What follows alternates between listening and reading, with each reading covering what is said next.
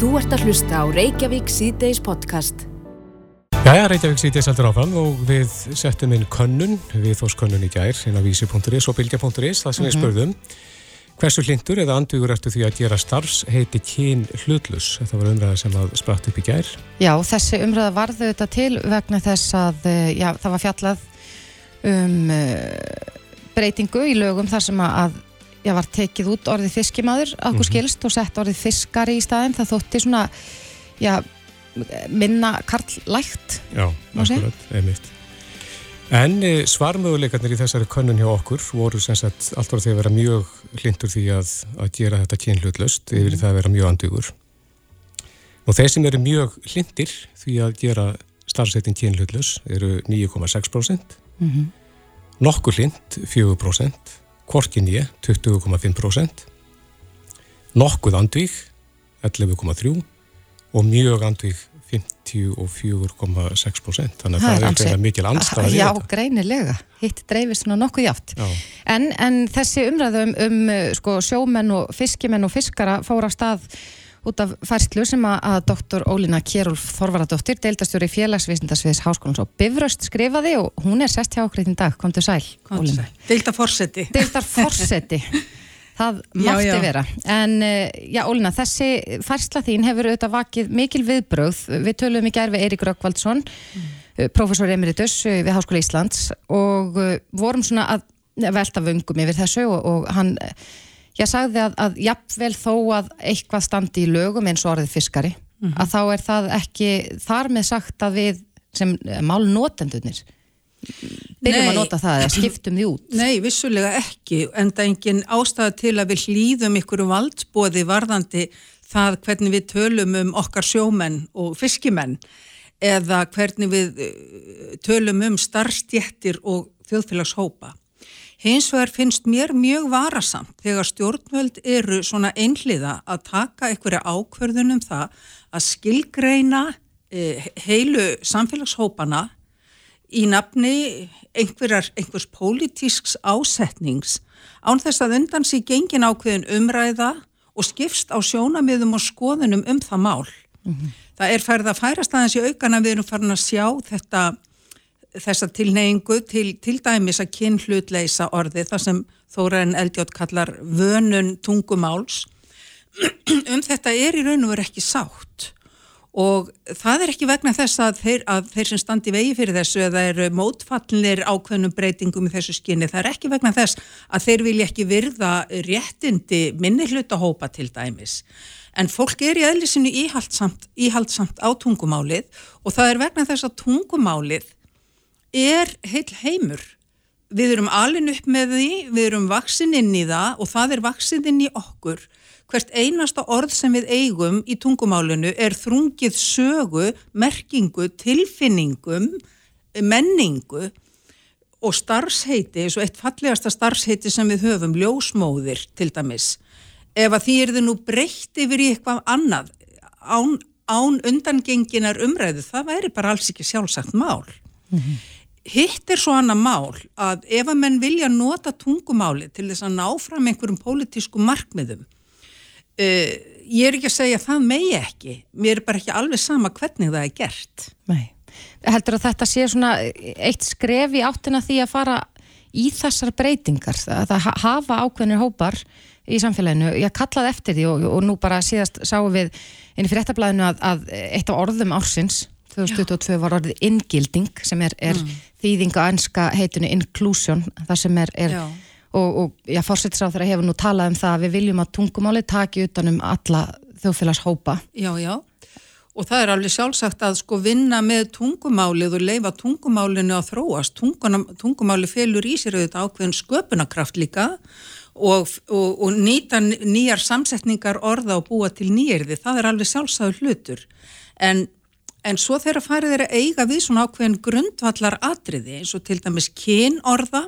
Það eru auðvitað munur á málfræðilegu kyni og líffræðilegu kyni Eh, en þetta þegar verið er að amast við orðum vegna þess til dæmis að þau séu karlkinni eh, þá má nú til dæmis benda á að uh, sko, orðið maður það felur í sér bæði konur og karla Það er, það er gömul og rótgróin nótkunn þess orðs. En í málvenju dagsins í dag? Já, svo eru þessi ennsku og dönsku áhrif komin inn sko að maður sé í merkingunni karlmaður. Mm -hmm. En það má nú minna á til dæmis að orðið svanni sem er karlkins orð málfræðilega, það þýðir kona. Orðið víf sem er, sem er kvorukins orð málfræðilega, það þýðir kona. Þannig að sko uh, það að amast við orðum vegna þess að þau gefi til kynna ykkurt kynferði það, mér finnst ekki alveg sjálfsagt að líta svo á mm -hmm. og auðvitað er þetta sjónamið að sko til dæmis að orðið maður við séum farin að nota það í merkingunni karlmaður en öll starfseiti til dæmis sem enda á orðinu maður hafa þó þann kost að þú getur alltaf gripið líka orðið kona bladamaður, bladakona, stjórnmálamaður, stjórnmálakona það er ekki svo auðvelt til að taka svo annað karlkins orð eins og fiskari. Hvað eru þá konur sem eru fiskarar? Þetta getur, getur orði staðið í karlkinu og, og náði við bæði kynin en ég er ekki vissum að tilfinningin sé alltaf svo. Nei. Já, þetta er, þetta, þetta er stór umröðin en er í raun og veru það sem þú ert að benda á og, og kannski gaggrinni hvað mest er það að það hafi, umröðin hafi ekki átt sér stað Já, áður en að fara þeir í breytingarnar. Já, og það er verið að fykta í tungumálinu og það er verið að gera það án samráðs við þá sem um er rætt. Og það er verið að gera það í raun og veru með svona einhvers konar valdbóði ofanfrá. Allt í hennu bara byrtist þetta orð í íslenskum lagateksta og hvað segja íslenski sjómenn um það? Eða fólk sem hefur alist upp í námynda við sjómenn og, og, og er sko af sjómanna fjölskyldum þetta er ekki alveg nógu gott að gera þetta svona. Mm. og sko að því orð skipta máli. Og á sama tíma og, og hérna verið að fykta með þessum hætti í svona rótgróna merkingu og hérna skinnjun á merkingu orða þá finnst mér nú að stjórnmöldum ætti standa sér betur í því að verja reynlega íslenska tungu fyrir ásókn ennskunar til dæmis. Mér finnst það miklu starra mál og ég myndi nú vilja frekar sjá þau í þeim leiðangri heldur en þessu fykti. En varðandi að því að íslenskan er lifandi tungumál, hvernig heldur að þróunin verði varðandi þetta sem við erum að tala um núna með kyn hlutleysið? Sko ég átta mikið alveg á því. Uh, það er líka vegna þess að umræðan er einhvern veginn ekki alveg nógu yfirveguð í sambandi við þetta ég tel að áður menn fara að stíga eitthvað raunveruleg skref í því að kynn hlutlausa málið þá verði að eiga sér stað svona undanfarandi umræða þannig að allir geti einhvern veginn sæst á og skif, séð, sko, séð þörfina í einhverju sameinlegu ljósi það er ekki gott þegar þetta gerist svona og af því bara og af því að einhver sér að eitthvað hefur verið gert í útlöndum. Það er til dæmis þessi þróun er auðvitað í gangi í nágrannarlöndum okkar að það er verið að beita tungumálunni svona. En íslenskan hefur náttúrulega er svo litið sérstakur, mál, sérstakur málheimur og það er ekki vist að sé alveg auðvelt mm -hmm. að eiga við hana að þessu leiti. En erum við kannski bara í miðri umræðinu núna vegna þess að þetta er auðvitað ekki alveg glæn nýjumræðu og, og hún hefur verið ansi hávær uh, undanfarið sem er kannski svolítið tegjanlegt högtak en það við höfum heyrt meiri umræðu um kynhlutleysi til dæmis. Uh, erum við kannski bara á fyrstu skrefinum í þessari umræðu sem að, að við ættum að, að fara í? Það gæti verið og ástæðan fyrir því að, að sko, hvað við erum kannski raun og veru skamt á vegu komin er svo að það er kannski verið að fara of geist. Mm það er bara að, að viljin fylgir ekki með hjá þeim sem eiga síðan að taka þetta upp. Það er verið að kynna til sögunar ímis orð sem að fólki er verulegi nöp við. Ég nefni þetta fiskaradæmi. Annað dæmi er, er orði leghafi sem skilgrinning á, á, á konum og, og öðrum sem hafa leg og sko svona kemur illa við á hvernig hópa og ég meina, er eitthvað að því til dæmis að gera skoðanakönnun, fara bara í svo litið svona opna og viðtaka umfjöllunum það hvaða orð gætu komið til greina ef að menn vilja ná ákveðnum markmiðum, mm -hmm. frekar heldur að vera að koma með þetta svona, svona eh, ofanfrá og einhvern veginn án, án samráðs. Svona meða við niðurstu okkar konunnar þá er fólk ekki á leiðinni þessa átt?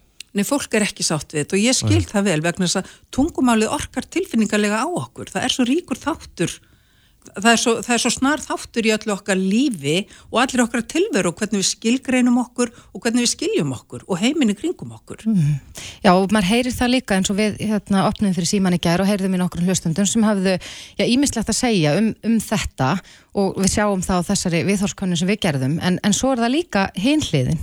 Það eru líka miklar tilfinningar hjá þeim sem að kalla eh, eftir því að, að tungumálið taki þetta skrifa, við tökum það skrifa að, að fleiri eh, finnist þeir tilhera.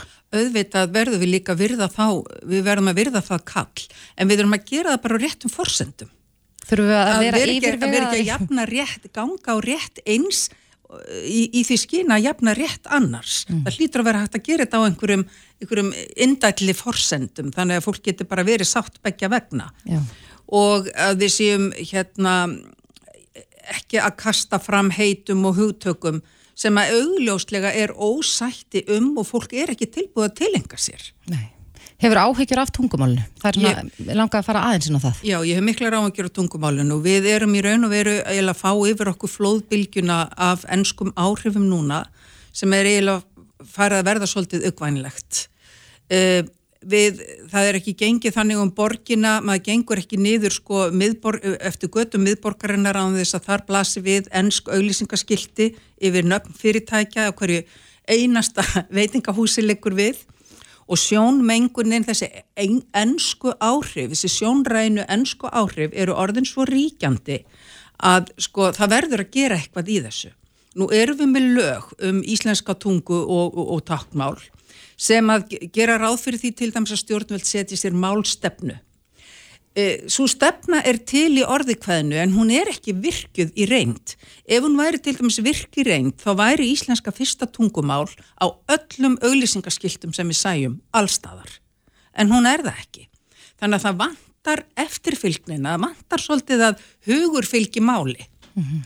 Ég hef líka áhyggjur af sko, afþreyingarefni fyrir börn og all, allir snjáltækja væðingunni hvaða áhrif hún hefur á mál töku barna og, og mál skilning barna. Ég hef áhyggjur af því að sko, þetta byrji svo snemma hjá börnum, þessi ennsku áhrif, að það geti orðið erfitt að snúa því við.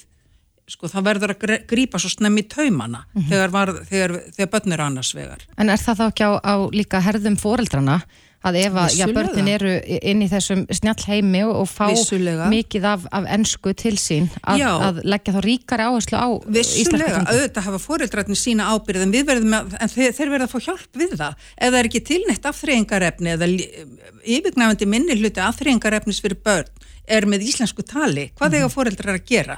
Sko þetta er náttúrulega samvinnuverkefni og við getum ekki farið í sko ásökunarleikin, blame gameið, svo ég tali góða íslensku, getum ekki farið í blame gameið með þetta sko, ásökunarleikin. Uh, það verða bara allir að hjálpa stað og við erum fann að heyra það að ég oftar í tali ungs fólk sem verður að taka uh, viðtölvið í fjölmiðlum að það vantar, það vantar sagnorðin og það sko, það er, að, það er að betta og hitt og þetta eins og það þekk ekki orðið að veðja, mm -hmm. þú veist, það er að bleima eins og þekk ekki orðið að ásaka. I love it, þú veist, það er ekki hægt að segja mig líkar, ég elska, ég kann vel að meta. Sko, í, það er til íslenskt orð yfir öll hugtök sem til er í öðrum tungumálum. Mm -hmm. og ef ekki orð, þá orða sam, samsetningar. En við verðum náttúrulega að vera bara svolítið vakandi fyrir því að vernda tungumálið. Og við erum í mikilli varnar baráttu með það eins og staðan er núna. Já, og við skulum bara halda þeirri bara aftur áfram, ekki satt? Og fari sókn. Já, fari sókn. Eh, Dr. Ólina Kjærúl Þorvaraldóttir, deildarforsiti, félagsvísindarsviðs Háskólands og Bifröst. Kæra þakki fyrir komina. Takk fyrir að bjóða mér. Þú ert að hlusta á Reykjavík C-Days podcast. En við ætlum núna aðeins að huga heilbreyðismálum. Já, frá nokkrum hlýðum. Frá nokkrum hlýðum. Mm. Uh, nú er talað svolítið mikið um COVID og uh, já, Sóttvarnastofnun Evrópu og Alþjóða heilbreyðismálastofnunum, þau fylgjast grænt með stöðum mála en umfangsmikil bylgja COVID-smittar yfir nú yfir Kína. Já, og kínverjar eru að aflétta hömlur á uh, sína þegna. Mm -hmm. En það var sagt frá því í fréttablaðinni í gær að, að uh, sótvarnalegnir sé að vinna í minnisblæði í tengslu við ferðalög fólks frá Kína til Íslands en uh, Guðrún Aspelund, sótvarnalegnir, er á línunni. Kom til sæl. Komið sæl. Ég hefur verið tekið ykkur, ykkur ákvörðin hér, hvort að það verið bröðist við komið kínverja hingað? Uh, kynverjar vissilega geta komið hinga eins og aðri ferðamenn um, og það er engar aðgerðir á landamærunum uh, og hafa ekki verið í þá nokkuð tíma um, næstu ár. Og er ekki talið þarf á Um, því? Það hefur ekki verið talin þarf á því og um, hvort að þetta breyti stöðinni um, það er ekki mín tillega nú að, að, grípa til aðgerða að þessa stundu sérstaklega vegna uh, kynverja. Nefna að við munum uh, auðvitað leiðbina ferðamönnum uh, bæði um sótvarnir á ferðalagi og eins uh, með nótkun heilbríðsjónustunar hér á landi á, þarf að halda. Munu sóttvarnar yfirvöld í Evrópu grípa til ykkur aðgerða sem að gætu tekt sér hingað? Sko, sótvarnarstofnun Evrópu uh, hefur ekki uh, mælt með því en uh, það hafa komið tilmæli um, frá Evrópsambandinu uh, í gær um, um aðgerði sem að land uh, getur í hugað að grípa til. Um, þetta er í formi tilmæla og, og er í nokkrum stíðum uh, og, þá land geta þá, þá metið það eftir sínum aðstæðum og, og mati hvort ástæði til að gera, að gera þetta. Þetta er nú aðalega beint að uh, farþegum þá frá Kína. En Guðrún, við munum nú all eftir uh, upphafinu af COVID-faraldrinum hér fyrir örfám árum síðan en uh, já, þá auðvitað dreifðist þetta mjög hratt um heimsbyðina og nú er, er þessi stóra bylgja að, að ríða yfir, yfir Kína. Uh, hef, hefur þú áhyggjur af stöðunni? Eða búast við því að þetta verði jafn, umfangsmikið og var hérna fyrir tveimur árum? Sko staðan er önnur nú. Um, þá var þetta ný veira, nýr sjúkdómur, óþægt. Það voru engin smitt hérna þetta í byrjun. um, veiran kom svo hér inn, líklega frá Ítalja. Um, uh, nú er staðan þannig að við erum tiltalega vel bólusett uh, og það er þetta, algengt að fólk hafi fengið uh, sýkingu hérna þar að auki. Uh, Þannig að þjóðin er vel uh, undirbúin. Er betur undirbúin og við þekkjum sjúkdóminn, helbriðskerfið kann að meðandla hann, hefur líf. Um, þannig að þetta er ekki alveg sama staðan eins og var. Uh, síðan er annað er, það eru tölvöld umsmitt í gangi hér. Mm þannig að það er bara þó nokkuð umsmitt og hefur verið núna í tölvöran tíma. Já, og það er sama í löndum í kringum okkur og í löndum sem aðri ferðamenn kom frá Þannig það er ekki alveg ljóst þó að kynverjar um, fari að ferðast núna hvort að það mun endilega breyta uh, svo mikið ástandinu. Nei. Þannig að það sé ástæða til að grípa til sérstakra aðgerða að gagvart þeim. Rétt aðeins í lokin áður við missiðu Guðrún, uh, það eru ymsar umgangspestur að ganga núna og, og influensan er, er hún ekki nokkuð algeng í samfélaginu? Jú, hún er bara búin að vera tölvöld algeng og svona fyrir að ferðin en, en oft áður. Já, við erum að heyra fólki sem að fekk influensu bólusetningu núna í, í haust en er að veikjast hansi illa núna. Uh, Var skotið á rámt bóluefni á þessu sinni? Nei, það til í nú ekki. Bólöfni er ágætlega virt uh, í ár. Um, það er oft þetta um svona 50-60% virkni um, sem bara þykir uh, ágætt fyrir influensabólöfni. Stundum hefur það verið vera þegar uh, það ekki tekst að gíska jafnvel á hvaða afdriði verður. En það þarf að gera það svona fyrirfram með þetta bólöfni. Já, og var En vel það er skotið í þetta? annað í gangi líka heldur en influensa. Þannig að Já. það er ekki alltaf að tekið próf. Þannig að það er ekki alltaf vel vita fyrir víst en, en vissulega getur fólk fengið influensu þó að þessi bólusett en, en það er miklu minni líkur á því. Já. En þeir eru ánað með valið á bólefni á þessari? Já, já, já, bólefni er, er gott og við mælum með því en, og sérstaklega eh, fyrir þá sem að um, fá, fá mestan ávinning af því sem er eldra fólk og fólki á átuhópum, Já. fungaða konur. Guðrún Aspelund, sóttanarlæknir, kæra þakki fyrir þetta. Já, takk ykkur, blæðis. Bless, bless og meira tengt helbriðstjárunu. Við höfum fengið fyrirspurn frá hlustanda sem báða okkur um að kanna stöðun á jáendaskannanum. Já. Kári Stefánsson og Íslensk erðargreining á íslensku þjóðinni. Mikið þarf að þing hér á, á sínum tíma enda, enda höfðu við ekki átt slíkan. Nei. En það er spurning, hver er, er staðan á honum? Já, síðastu við aðtöðum álið að þá voru einhverjir nökrar, vantaði þetta geislavirka efni sem að þarf til þess að reka skannan en á línunni er Pétur Hannesson, yfirlæknir röntgendeildar. Landsbyttalans, komdu sæl. Já, sælir. Já, hvernig er, er, er þið með jáendaskannan í virkni í dag? Já, já, jándaskannin virkar vel og hefur gert það mest af. Eh, það er nú frá höstunni 2018 sem hann hefur í gangi og, og núna gengur starfseminn alveg snurðurlust fyrir sig og er bara stöðu og hefðbundi starfsemi og hefur verið um tölvara því sko. Já, en það var uh, algengt að Íslandika voru sendið til Svíþjóður, það ekki jándaskanna, er, er það liðin tíð? Ég er algjörlega 99% af þeim sjúklingar sem þurfa þessa rannsók geta fengið hana núna á landsbytjalan. Já, og þetta lítur að, að já, auðvelda öllum sem, sem eh, koma að þessum málum lífið, bæði ykkur sem að starfi á landsbytjalanum og, og svo sjúklingurum sjálfum, ekki síst. Jú, jú, það væri reynilega ekki hægt að reyka hefðbundna lækist sjónstuð, sérstaklega í gramminslækningum á þess að hafa þetta tæki á landinu og þennan búin á allan. Mm -hmm. Og er jáendaskannin að gera það verkum, Pétur, að það sé að grípa fyrr inn í? Já, hann hefur margskonar eh, gagsefi, hann greinir betur og nákomar uh, eh, sjúkdóma, ímsa sjúkdóma, en fyrst og fremst krabba minn, þannig að, að hann, hann bætir þjóðstuna verulega og, og þar að leiðandi niðurstur, bæði meðferðar og, og, og hérna almennt.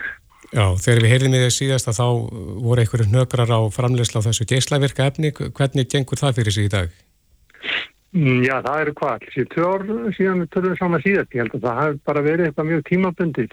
Já. Þetta er náttúrulega framleysla á geyslavirku livjum, svo kannum við til um spórefnum og er, er, er mjög flókin og, og viða mikil en, en gengur bara mjög vel en það hefur verið með aðbæðast gott starfsfólk. Já, akkurat og þetta hefur hefur hjálpað mikið að, að fá þetta tæki í nótkun? Já, já, þetta, já, þetta er algjörlega lífsnöðsynlegt fyrir alla nútíma læknisjónustu og erum ágætis framfróðin í þessu. Við byrjuðum með hefðbundi spórefni, svo kallar sigurspórefni og síðan uh, fengum við uh, spórefni sem að er sértækt fyrir uh, Alzheimer-sjúkdóma og nú fyrir tveimur ára síðan byrjuðum við með spórefni sem er sértækt fyrir um, blöðrálskiptilskrappamenn Þannig að það er ágættis eh, gangur í þessu og framþróun og við fylgjast vel með og vorum til dælu að snemma að fá þessi spóröfni svona með að við nákvæmlega löndin. Já, og ekki löng uh, byggð að komast í tækið? Nei, nei, það er það ekki. Það er ekki bygglist í þetta er þetta þess aftar ansókn það er uh, sjúklingar aðast að upp og svona tekja vegna frestið og svo en, en uh, það er engin, engin byggð eftir ansókn. Nei, það er gott að heyra og, og gott að, að skannin sé í fullri virkni. Pétur Hannesson, yfirleiknir Röngindeildar landsbítalans, kæra þakki fyrir þetta. Já, takk svo leiðis. Þetta er Reykjavík C-Days podcast. Jæja, árið 2022 er liðið og það er spurning, hvað voru við að hugsa um? á, á síðast ári. Já, eftir hverju voru Íslendingar að leita. Já. Uh, við erum gjörn á það að ef okkur dettur eitthvað í huga að fara á, inn á Google og slá inn eitthvað orð. Mm -hmm. Uh, til þess að fara eins yfir uh, þetta og mest leituðu orðin á orðinu 2022 er komið til okkar Daví Lúter Sigurðarsson, frangværtastur í Sahara. Velkomin. Takk. Já, þú ert aðeins búin að hella þér í þetta og búin að skoða fyrir okkur þessa lista.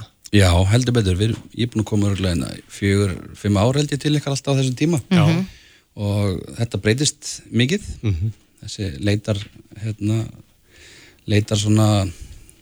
Þessi leitar saga? Saga Íslandíka, sko. Mm. Já, það var auðvitað mikið googlað hérna á sín tíma auðvitað eldgósið og, og fagradalsfjall og allt mm þetta og, og svo þetta ja, COVID og... Meradalir voru vinsalil í ár sko Já. og hérna en, en það kom líka bara margt nýtt sko mm -hmm. við vorum inn viðtali fyrir tveim-þreim viku síðan að tala um præmdrykkin mm -hmm.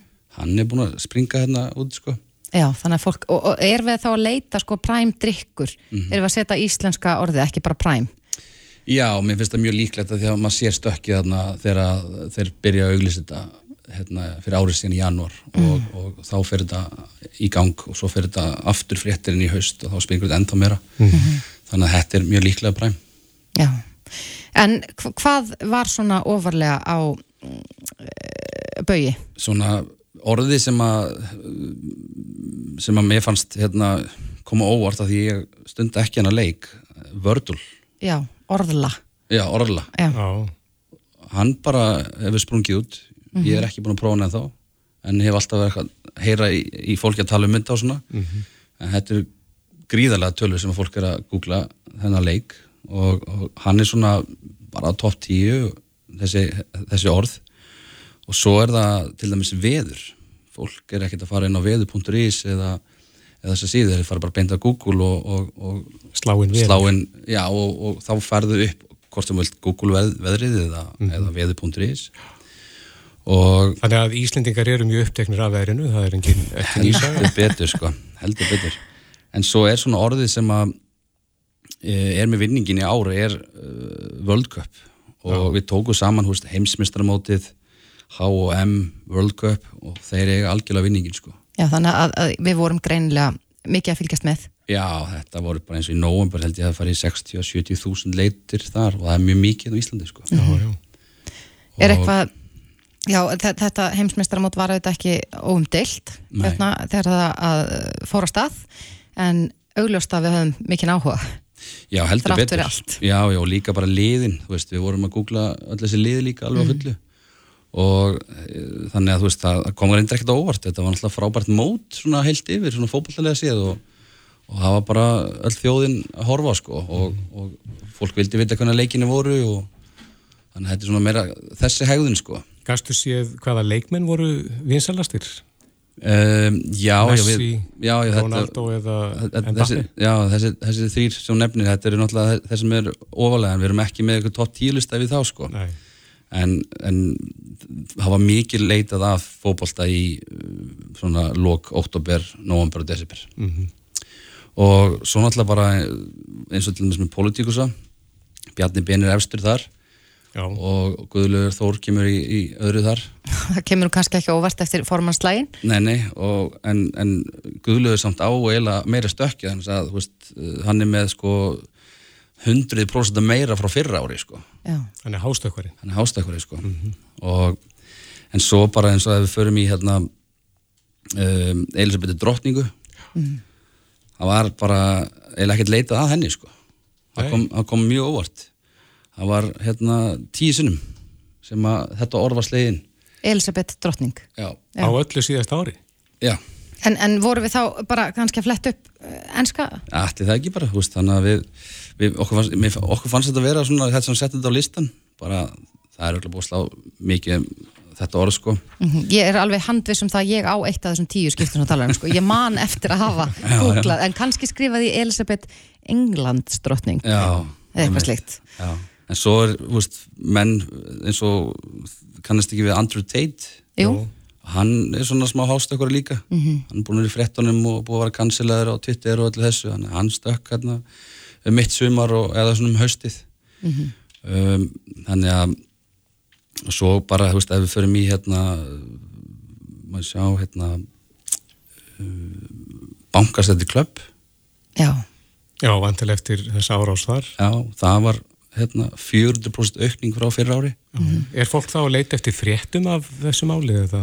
Já, þetta er ekki bara þessi hegðun bara forvinnast, bara hvernig er vefsíðan og hvað, eru samfélagsmiðlunar þeirra og, og, og, og finna þessa fréttir mm -hmm. Ég finn það oft hjá sjálfur mér þegar ég er, er kannski heyr eitthvað nafn og ég hugsa, já ok, beti, ég kannast nú þetta nafn þannig þá fyrir ég á Google já. slæða inn til þess að glöggva mig betur á hlutunum já. og eins kannski með bankastrætti klubb, það eru þetta voru mikla fréttir frá þessum stað Já. og þá kannski viltu svona aftöðu hvernig það lítur út eða Já. hvers slags fólk hver þangað? Já, akkurat. Og svo kom hérna skemmtilegt orð vindmilla Já. Já. Það var mjög lítið að leita vindmillu fyrir en að hún var sprengt hann upp. Það fór þetta alveg upp í 250-300 leitir sko. Já. þannig að fólk var fóröldið Já, þannig að um leið og kannski eitthvað er til umfyllunar í fréttum að þá, þá förum við á Google Já, algjörlega. Og leitum. Já, það, þetta er eða þessi hegðun sko, bara fólk er, uh, sko, þú ert örgulega fljótar að fara inn á Google en að fara inn á vefsíð og leita þar. Mm -hmm.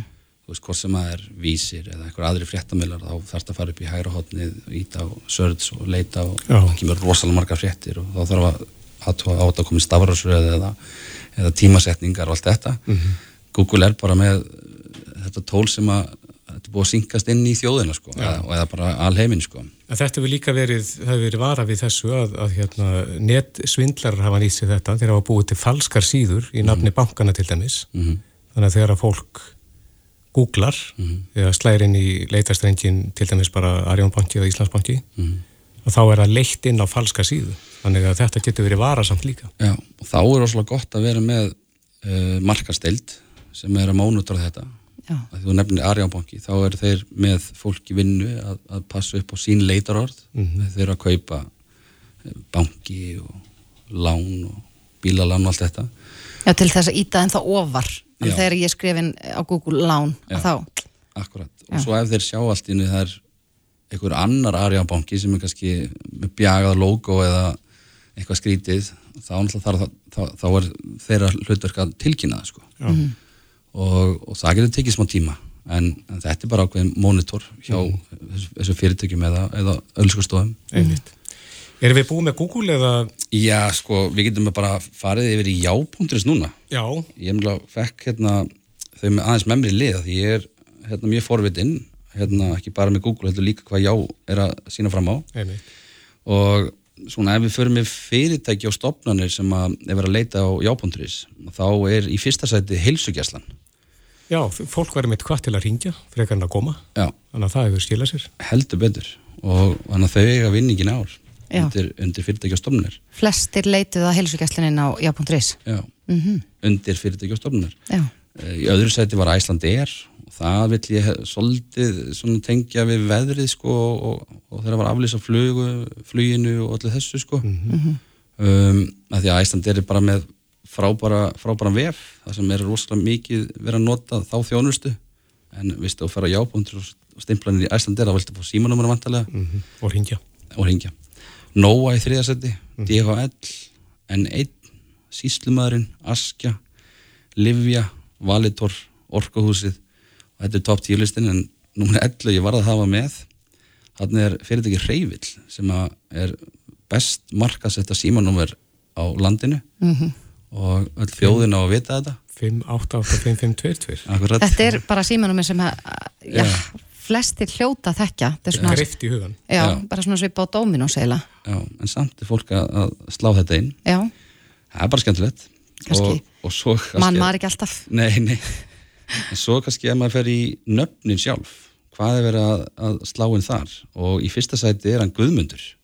Þannig að Guðmundur er, er, er sko, er þetta ekki svona, og því ég er nú með listan hérna fyrir fram, með topp 10 listan þetta ber nú bara svolítið keim af vinsælustu nöfnum á Íslandi Ég vil meina það. ef, ef við horfum kannski 60 ára aftur í tíman Já, og líka bara, þú veist, ef við spólum 20-30 ár fram í tíman þá verður Baltasar og, og þessi, þessi nýju hérna, nöfn hérna, komin inn, sko. Já, þessi nöfn sem eru ansi algeng á, á ungum börnum í dag Já, já.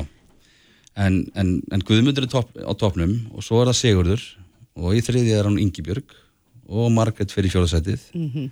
Svo er það Sigurður í fymta. Já. En þetta eru, og svo heldur, heldur þetta áfram Gunnar og Jón og Kristján og Magnús og Kristín, þetta eru þetta bara ram íslensk nöfn sem að, sko. að fjölmargir bera. Já, heldur betur. En er fólk mikið að slá inn bara, ef maður fyrir jápunturis og, og skrifa guðmundur, þú færð uh, holskefluna yfir þig? Já, ég veit ekki hvort ykkur síma vera að fara að ringja og selja eða hvað það er. En auðvitað er þetta náttúrulega sko listi sem er tekin inn bara, þetta getur verið sko allir guðmundar Já, já. Og, og, og, og svo er þetta bara tekið út. En, en um, sko svo fyrir við kannski fyrir með vörurnar. Af Því að já, og er með náttúrulega vörur þar líka inni að vinsælesta varan var sjónvarp. Já. En þarna eru líka margar vestlan sem koma saman, þannig að þú ferði inn á og, og skrifa sjónvarp, þá færðu tölvöld úrval. Já, Flesti voru að leita að sjónvarpi já, í vöruleitinni. Já. Já, Ég var reyna snögt yfir þetta, Já. Ég meina líka sagt nummið tvö, sínd að vera líka glerugu nummið þrjú sem að er að koma alltaf sterkar og sterkar inn og allir það verður ekki valinn jólagjöf ásins 2025 eða eitthvað. Uh, Sófi, fjórasettið, púsl, þvottavél, uppþvottavél, ískápur, loftljós, riksu og ramags hlaupahjól. Þetta er allt svolítið svona stærri hlutir. Ég reyndar forvitin hvað, hvað fyrst að líkamsræktir í öðru sæti. Mm Hverju er fólk þá að leita eftir? Ég veit ekki alveg. Það er kannski einhvers konar tækjum, hlaupabrettum og, Já, gæti það er verið. góð hugmynd. já. Lóðin, Ég held samt að fólk væri meira að reyna að losa sig við slík tæki núna eftir COVID, það náttúrulega seldist upp, þá var, var ekki hægt að fá ketilbjöllar á landinu lengi og Einmitt, en kannski ef þetta- að fólk sé á leiðin í ræktina Já, já, já, einmitt. Já, ég menna svo kannski bara sniðið fyrir já að, að bjóða upp þessu þjónustu að selja gömul tækja henni líka. já, vera svona eins og bland. Já, að einhver leiti, eða brask og brall Nákvæmlega. Þetta, þetta er svolítið svona þjóðasálinn í, í leitinni. Mm -hmm. Kjæra þakki fyrir að koma og fara yfir þennan listan með okkur Daví Lúter Sigursson, frangvandastjóri Sahara. Takk fyrir komina. Þetta er Reykjavík C-Days podcast. Því meður þá eru kakkalakkar viðast vera reglulegir gestir í fjölmjölum. Þetta sprettur upp annars lagi, fréttir af kakkalakkum. Mér finnst þetta uh, eitt af hræðilast sem ég veitum Má ég segja eitthvað stutt að sögu Já. Ég var eins og núti í Kosta Ríka og uh, bjóð þar í eitt ár og, og uh, fór í eitthvað svona ferðalag innanlands og gisti heima hjá fólki sem að vinkonum minn þekkti. Nema það að það voru kakkalakkar út um allt inn á heimilinu. Já. og þau og sér, já, kiptu sér ekkit sérstaklega upp við þetta en mér fannst það hryllingur. Þannig að, að þessa nótt sem ég átti að sofa í sófanu hjá þeim, það voru bara svona kakkalakkar gangandi á, á hérna, arminum á sófanum. Já. þannig að það eina sem ég dætti í að gera var bara að ég settist á háan barstól og ég satt þar alla nóttina vakandi, Já. vegna þess að ég gat ekki ímynda mér að fara að sofa og kakkalakkarnir myndu mögulega bara svona fara í göngutúr á, á höfðina mér eða Já. handleikjum Hjúra sig upp að þér. Já, en mér finnst þetta hræðilegt ís og uh, við, erum að heyra fréttir af því að amerísk tegund kakkalakka hafi fjölgað sér hér á landi undarfarna mánuði. Mhm. En eru þið svo hræðilegir? Já, ég veit það ekki, það Nei. er stór spurning. Eh, Maður hefur ekki heyrt að þessu árásakjarnir til dæmis. En hvað segir meindiræðinni sjálfur sem hefur nú barist við kakkalakka í, í 20 ára? Steinar Marberg Egilson, kom til sæl. Sælir við ykkur þárið. Já, gleðilegt ár. Hva- Hvaða kvikindi eru þetta? Kakkalakkar hafa fyllt okkur fóður og alltaf. Og hérna, máli er ég held að sé nú verið að þess að blása þetta alltaf upp. Þetta kemur svona í lægðum og hæðum. Mm Uh, Við erum ekki á faransæti og við veit að koma eitt og eitt kvikindi með heim í töskunum og svona. En uh, ég hef ekkert orðið neitt rosalega var við einhverja sprengingu að Heldur að þessu ekki að fjölga sér hér? þeir geta alveg fjölgað sig hérna eins og annars. En máli er að uh, ameríski kakalakkin er uh, svona minni líkur eða ég hef ekki orðið nýtt var við að það sé einhver rísa springing á þeim allan ekki kakvart okkur. Nei. en, en þetta fáið þá alveg eins og þennan þýska sem er svona lang algengast í kakalakkin í heiminum En, en uh, Steinar, eru þeir svona hræðilegir eins og, eins og, já, ég í það minnsta held? Nei, nei, þetta eru, þetta eru bara skortýr og hérna, ég þekki það nokkuð vel að því að ég bjó með nokkuð þúsundur sko í taldið langa tíma. Nú, hvar var það? Þannig ég var á fraktskipi sem var reyðandi. Já, Þannig að, að ég er mér í Suður Afríku og síðan var ég út í San Diego í Kaliforníu og það var nú aðeins þar. Þannig að maður vandist þeim bara. Já. Þetta er, En þetta eru hardjar kvikindi þetta? Er ekki erfitt að, að uh, ráða niðurlögum þeirra? sko máli er að þau um, aðlaðast mjög vel og uh, kakalakinn fólir orðið mjög mikið af þeim útrýmingaröfnum sem við erum að nota. Og hérna ég man bara eftir því þegar út í uh, námskeiði þetta fyrir ykkur 25 árum þá voru menna að nota aspartam sem nota í góstrykki duftið. Þú dreifa því að því að það er svo hektast að skara þá upp eða löpið yfir þá til að dreifa þá þannig að það eru alltaf uh, við þurfum aðeins að blanda efnin öðru í sig því að þeir viðast ná að, að hérna, byggja mótefni mjög fljótt en við verið samt mjög heppin hérna heima að þau efni sem við notum hafa virka bara mjög vel en býstu við því að, að við munum sjá meira af þessum kvikindum? Þú veist að við, það er all, öll bara flóran er að breytast. Við erum að sjá til lúsmi, við eigum eftir að fá morskít og bara hvenar. Það er, um, það er erfitt að segja um það en kakalakar hafa verið hérna á Íslandi í áratugin og ég man bara eftir því ég var mikið að vinna upp á velli hérna þegar vartalið var. Og þeir vistu bara að virða gifninguna, þeir fóru ekkert mikið út fyrir það en þetta er mikið af fólki sem er að ferðast og koma og fara og þetta kemur með ferðartöskunum hálf fjóðu var á tenni það er daldið að kakalöku þar fólk tekur þetta með heim sér eitt, tvo þá er það orðið bara sprenging en ég svona finn ekki ég finn alveg aukningu en ekki einhverja sprengingu. Nei. og hérna og síðan náttúrulega hvort þetta er þeir síski eða ameríski, ég er náttúrulega átti bæði en það er aldrei munur á þeim. En bæði það að, að hérna, ameríski er mjög stærði og, og hann flýgur en hérna, síski flýgur ekki þannig að þetta er svona og ameríska kalakinn hans lifnarættir eru yfirleitt utan þeirra. Þeir eru uh, fara frekar svona, við erum meiri náttúrun heldur en innan þeirra. En Það sem við erum vel. já, þeir geta náttúrulega allt. Þannig að, að hérna ef það er matur þá sækja í það. Þannig að matarafgangar, þeir eru ekki, ekki góði fyrir þá sem vilja útrýma kakalökum. Nei, það er uh, það sem að yfirleitt er ástæði fyrir að þeim fjölga mikið er að ef þeir hafa aðgang að fæðu. Og uh, þeir um, svona verpa náttúrulega ekki og uh, síðan tekast þau út. Þannig að þú drepur ykkur tvo, þrjá kakalaka en þeir geta komið aftur eftir mánuð af því að þá eru ekki búin að tekast út. Já. Þannig að ég segi bara fólk að ég er ekki af áhyggjur og bara þrýfa og ríksuga og ef það sér kakalaka þá bara tala við mennir eður og, og hérna láta þá fylgjast með því. En þetta eru gríðilega merkilegt dýrsamt sem það er ekki satt. Þau hafa verið til hérna bara, já, mér langar að segja síðan að það voru risaðlur á jörðinni. Já, þeir eru búin að vera ansi lengi og þeir eru mjög aðlega hæfnir sem ég segi með til og með seituröfnin að þeir eru mjög fljótir að byggja upp varnir gegn efnum sem við erum að nota. Þannig að bara smá breyting á efnablöndu getur haft að drepa alla kakalaka. Síðan ferðu eftir 6, 8, 10 mánuði á sama stað og þá bara virka það náðast ekki neitt. Nei, það Þannig þarf að að- veiða. þá er að veiða bara menn úti nota mikið límgildrur sem eru sett af skortir límgildrur og eru bara veiðaðar og, og ég svona mm, bara segja og er að þetta er ekki faraldur þannig. Þetta er bara mikið af fólki á ferðinni fólk er að sjá þetta það eru fleiri útköll en þetta er ekki eitthvað allt yðandi það er bara alls ekki.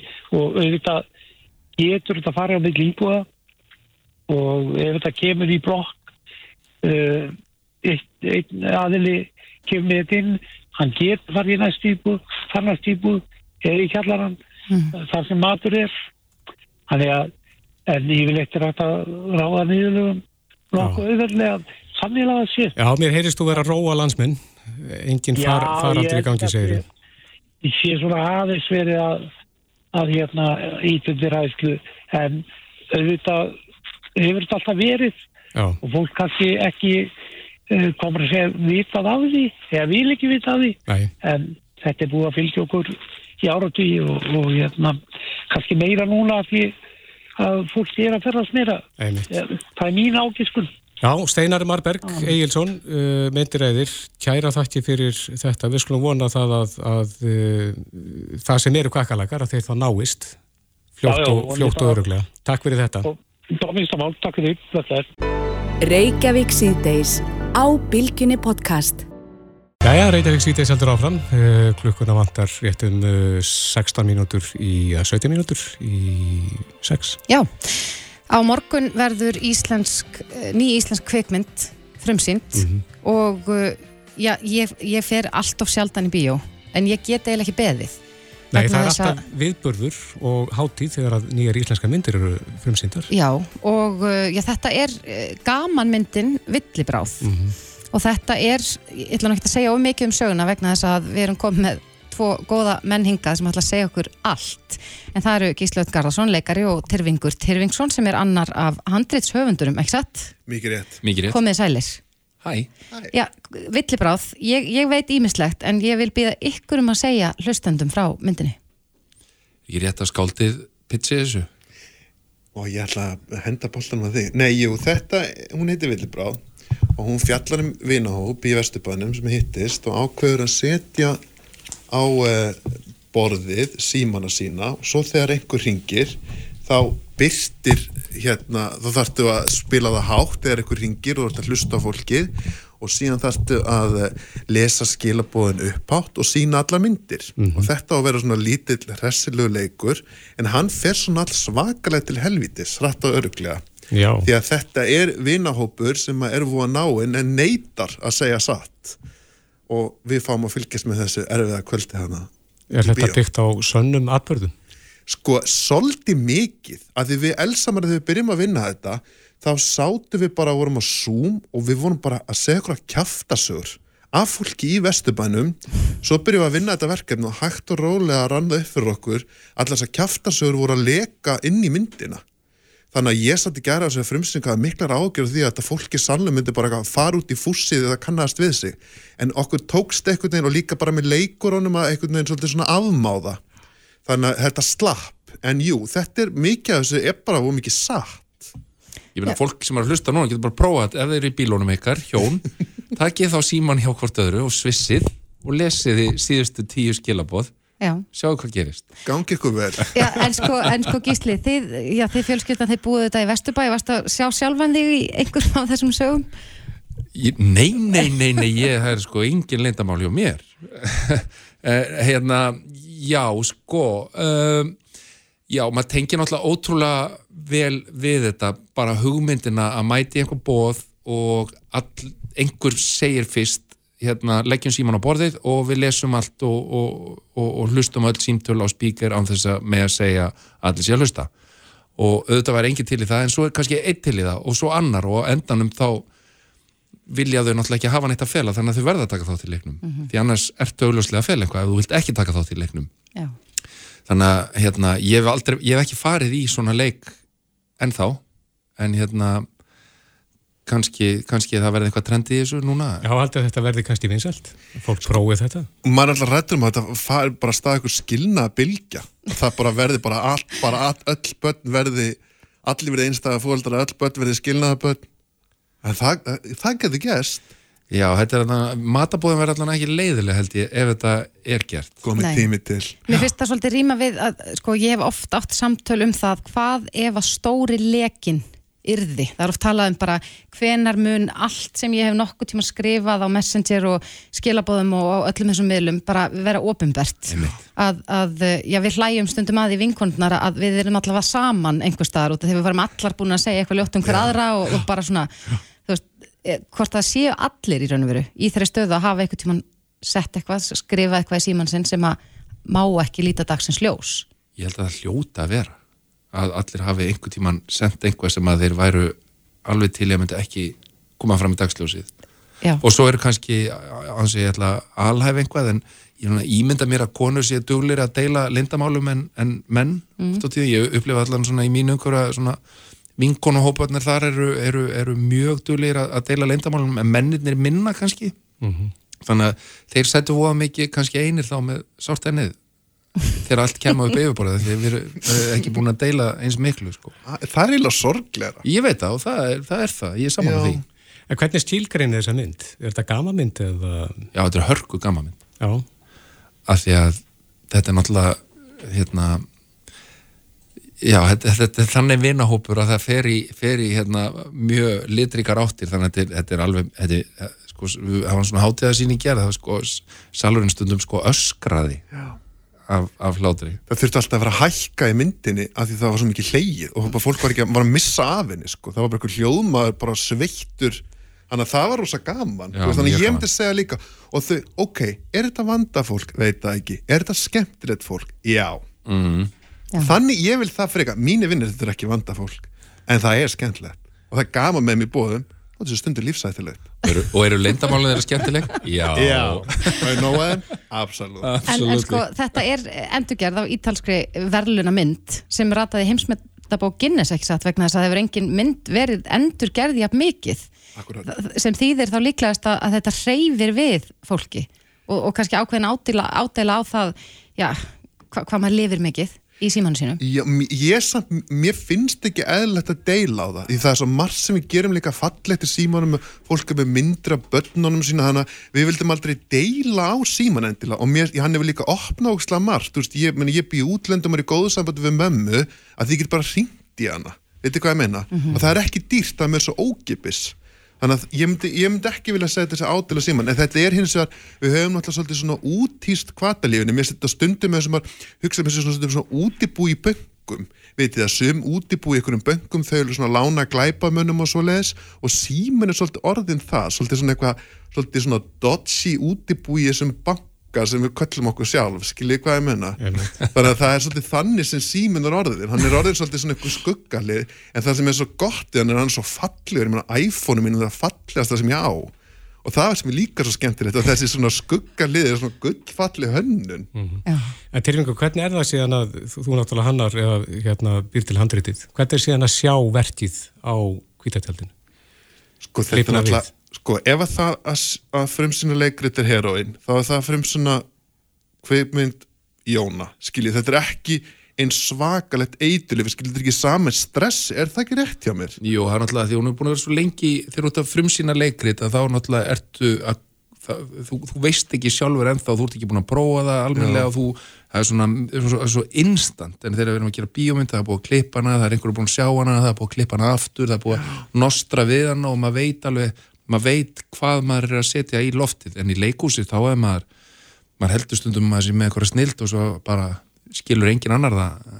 Þannig að hérna, en ég er sammála, það er ekki sama og svo er svona léttari líka bara yfir því á frumsum, fólk hvað sé bara pop og kók og, og bara stendur upp og fyrir á klósetti, það er ekki svona það er, ekki sama hátíðleikin yfir því. Um, á, á einhvern hátt en, en það er náttúrulega orðið svo sjaldgæft orðið að frumsýna íslenskar myndir einhvern veginn og, og kannski líka hvað þá gamamyndir held ég uh, að, hérna, að það gerir þetta náttúrulega mjög sérstakt og mjög gaman að, að fá að vera með í í sko geggjaðri íslenskri gamamynd ég En- bara man ekki eftir að hafa gert það sjálfur persónulega sko. Nei, en, en það er líka sko, já, innvala lið íslenskra leikaraðna. En í það ætla ég líka að segja að það er úkslega gaman að eiga eitthvað texta sem hann verður búin að berja saman með Elsumari og leikarinn taka fram úr textan þú veist, þeir, veist, þeir liftunum og þá fann fólk klappa á mikið fyrir manni en það er bara mörg, mörg stundum mér sér til hérna manni sem gerir það hann tekur hérna monolog sem hefði geta farið til helvítis en bara einhvern veginn stillir hann svo fallega af. Og þú veist, það er líka það sem við eigum við erum alltaf frábæra sviðsleikara en við eigum voru líka rosa góða kvikmyndaleik og fallega svona hefð fyrir kvikmyndaleik. Þú veist, að, þetta var alltaf bara þessi nýfur á að vera þungur, skiljiði mig en það er svolítið svona, það er komið eitthvað svo fallegu balans í þetta. Ég, ég var bara mjög, sn- ég var bara mjög snortin gerði við því. Já. Og viðbröðin, eins og ég segja, ég meina, ef að hljóðmaðurinn var sveittu við það að hækka hljóðvegna þess að það var öskrað og hlátri, þá hljóta viðbröðin hafa verið góð. já, ég, þau voru, alveg- fóru alveg eh, vonum framar. Sverðið að segja fyrir millit, ég var ekki búin að sjá myndin áður. Sem sagt ég var að horfa á hann í fyrst skipti í gær. Já. og það er náttúrulega orðið ár síðan við tókum hana upp. Þannig að hérna, mér fannst hann alveg frábær sko. Ég segi það bara einlægt ég þarf ekkert að segja það, ég, mér, mér fannst það sko. Og, og ég sko grenjaði og látri sjálfur hérna yfir þessum rugglu döllum Er hún til útflutnings, þessi mynd? Nei, Nei. þetta er, þetta er, þetta er bara íslensk mynd. Þetta er bara hardcore íslensk bíómynd. Já, og kannski líka, já, þetta eru þetta vinnahópur í Vesturbænum, þannig að eflaust margar svona tengingar við bara Íslendinga og Íslensk samfélag. Já og það sem að leyndamálin einhvern veginn og það sem að eru að díla við verð, er, mjög, er mjög íslenskt og mjög lokal. Uh, og maður tengir mjög vel við það og, og hérna já, þetta er mjög vel uh, gert þetta handrit hjá ykkur Elsu svo við höldum áfram að ausa hávitamína á kodnaran hérna. Þá, en það er hérna virkilega vel skrifað og svo er þetta náttúrulega bara frábælega leikstýrt hjá hann Elsu líka. Og þetta er hennar fyrsta mynd og þetta er bara solid bara eh, mjög litrík og flott bíómynd bara mjög vel gert hjá ykkur báðum sko. Og ykkur öllum bara, eða ekki? Jú, við náttúrulega bara gerum eins og, þú veist, svo bara, þetta er bara mjög fagmannlega gert og mjög, já, þetta er mjög flott og það var mjög gaman. og það er líka eitt af erfiðast ef mér sagt sem þú gerir sem kvimdækjara maður eða kona, það er að, að búa til eitthvað sem gerist í mataborð það er alveg marströð Já, að því það svo er er reyndar búið með halva kleinu og það er að þetta aftur og þá þarf að finna hinn helmingina kleinunni þetta er eitthvað svona lók, Já. ég skil ekkert í þessu en mér er sagt að þetta sé mjög flókið. Já, þetta er náttúrulega vill- villibráð, þetta, er- þetta er sem sagt, það er matabóð, já, og við náttúrulega, svo ertu í tökum á 12 tím, 12 tíma á dag, ég, sko, við átum svo mikið að það var bara, þetta var sko, við vorum öll eiginlega orðin svona fói gra það búið að tróða hérna, það búið að tróða onni kokja okkur svo mikið af mað að því svo það maður að gera það aftur og aftur. Og það verst er sko sá sem að ef þú mætir svangur og sett og gleymir það aðeins og borðar óvart í fyrstu tökunni svolítið hessilega þá þarf þetta að gera það í 370 tökur í viðbót í öllum vinklum. Og sko menn voru stundum hann afvelt og það er líka annað í þessu, við erum að reykja svolítið að síkaretum í myndinni og hann alltaf reykir engin lengur.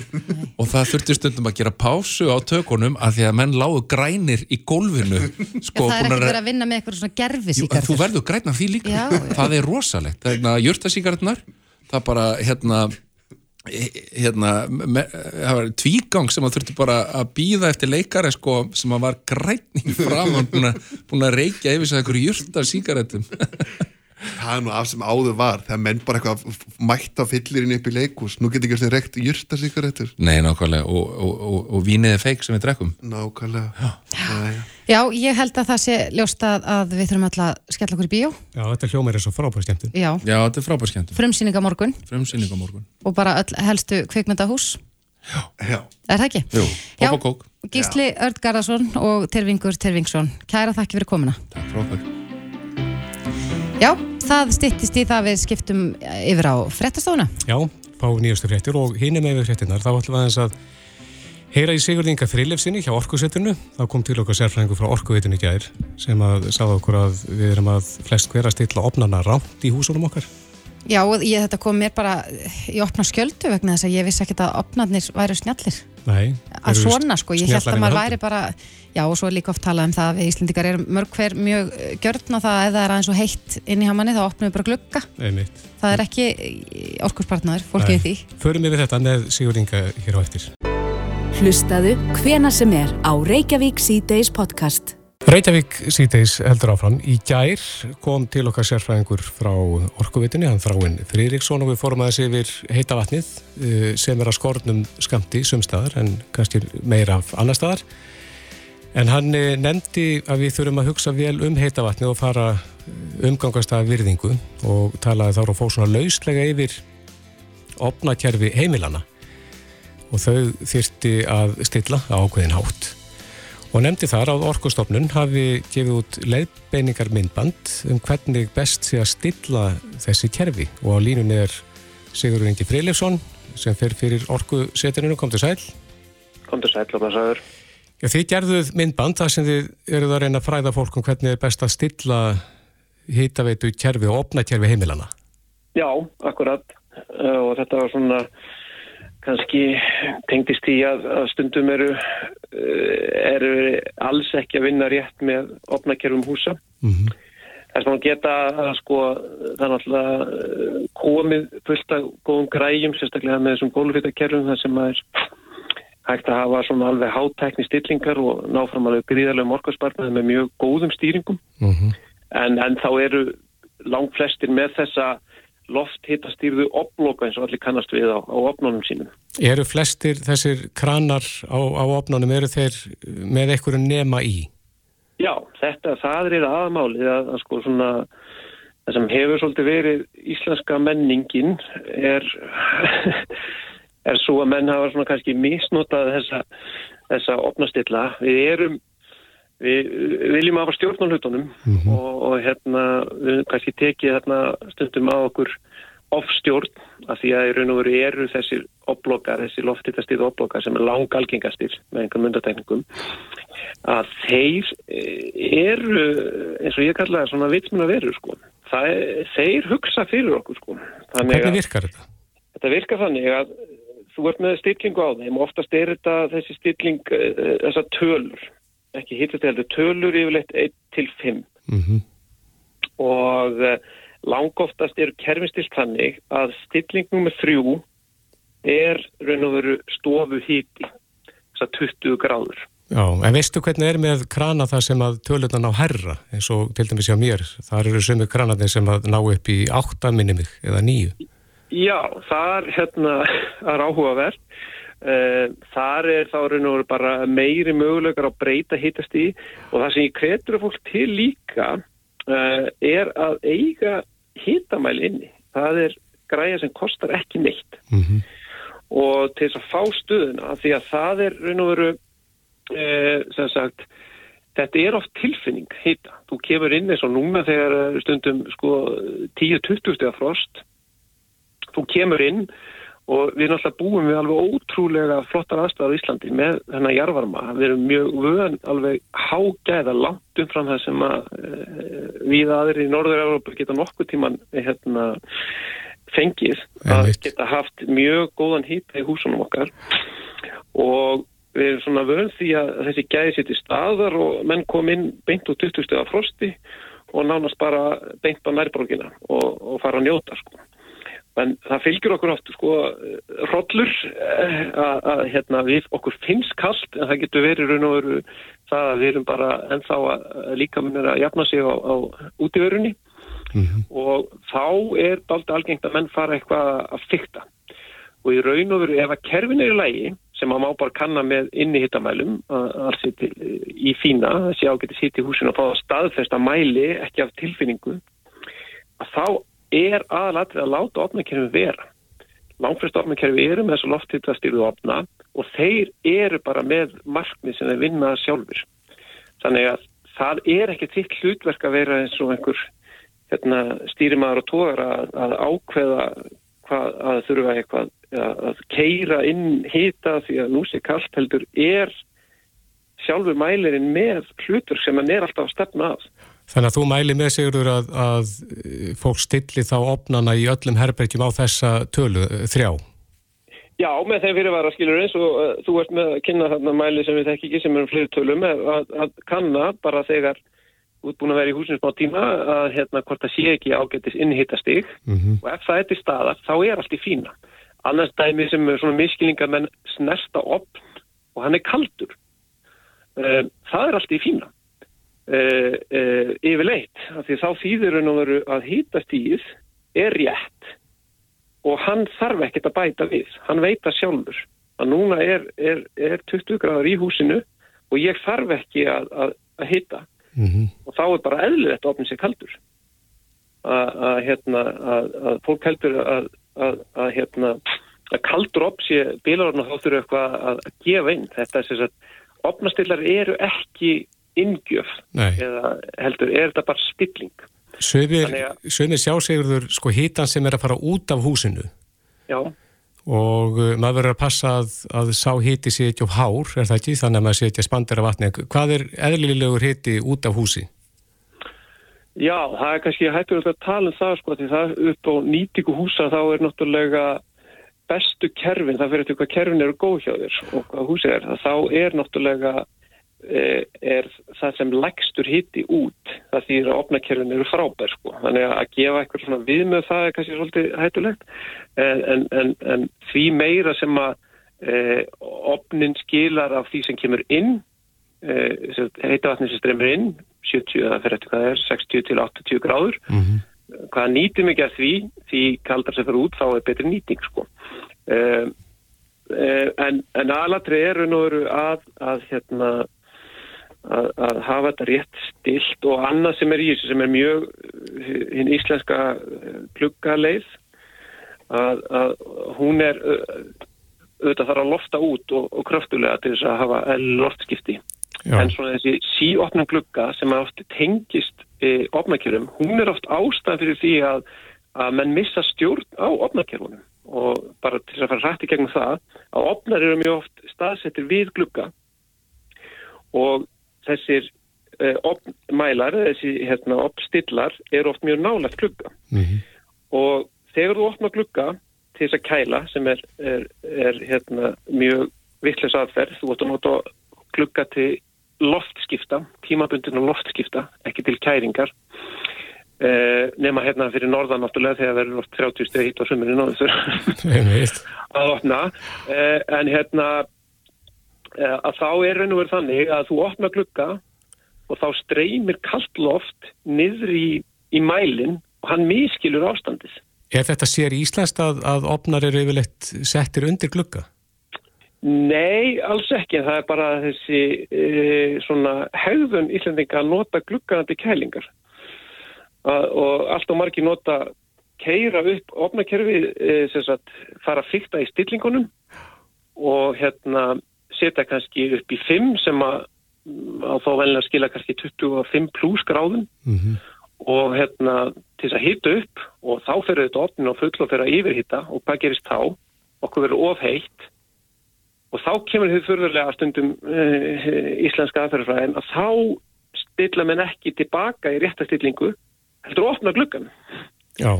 og hvað gerist þá? Þá streymir kallt loft að opnastillanum sem þú ert búin að stilla kannski á 25-26 gráður og hann fær hérna raung skílaboð með eitthvað kallt innstreymi og heldur að húsið sé 14 gráður að það streymir inn kallt loft ekki með gluggan og fer að keira áfram áfram til þess að reyna að ná þessum 25 gráðan. Þannig að þarna er komin klassísku vítarhingur. Já, klassísku vítarhingur og þá fer hann að erfið á fulla því að, að hann er ekki að fá raun og vera rétt ástand, hann er hérna, heldur að, að, hérna, að það sé á kallt í húsinu sem það er ekki. Það er of heitt í húsinu sko því að þú ert að hérna, ofan til að kæla. En svona til að, til að styrja undir að þá, þá uh, mælurum við að fólk stilli þá uh, krana sem að ná upp í 5 á 3 og hafa það gegnum gangandi. Já, og kaupi hérna, uh, eigi hýtamæla til þess að taka stuðun á húsinu Mm -hmm. og ef, ef hýtamælirinn sem þú færir á milli herbyggja er á fínu stíi í kringu 20 gráður, stundu vilja menn hafa aðeins kaldar í Svörnbergjum og aðeins heitar í Svörnbergjum, nei, í, í baðherbyggjum og allt, og mjög kalt í geimslum og allt svo leiðis, en að þú sért bara ánæg með hittastíð, þá er allt í fína og þá lætur opnakerfið vera, þá er það að standa sig. Akkurat. Láta þetta vera loka orðin, er, er þetta nálgast myndbandið, þetta kynningamyndband eitthvað staðar? Já, já, já, þú finnir það á Facebook síðu uh, orkustofnunar og, og, og heimasíðu orkusýttus. Já, Sigurður Ingi Freilefsson, fórstöðum aður orkusýttusins, kæra þakki fyrir þetta. Ljómandi. Reykjavík síðdeis á bylginni.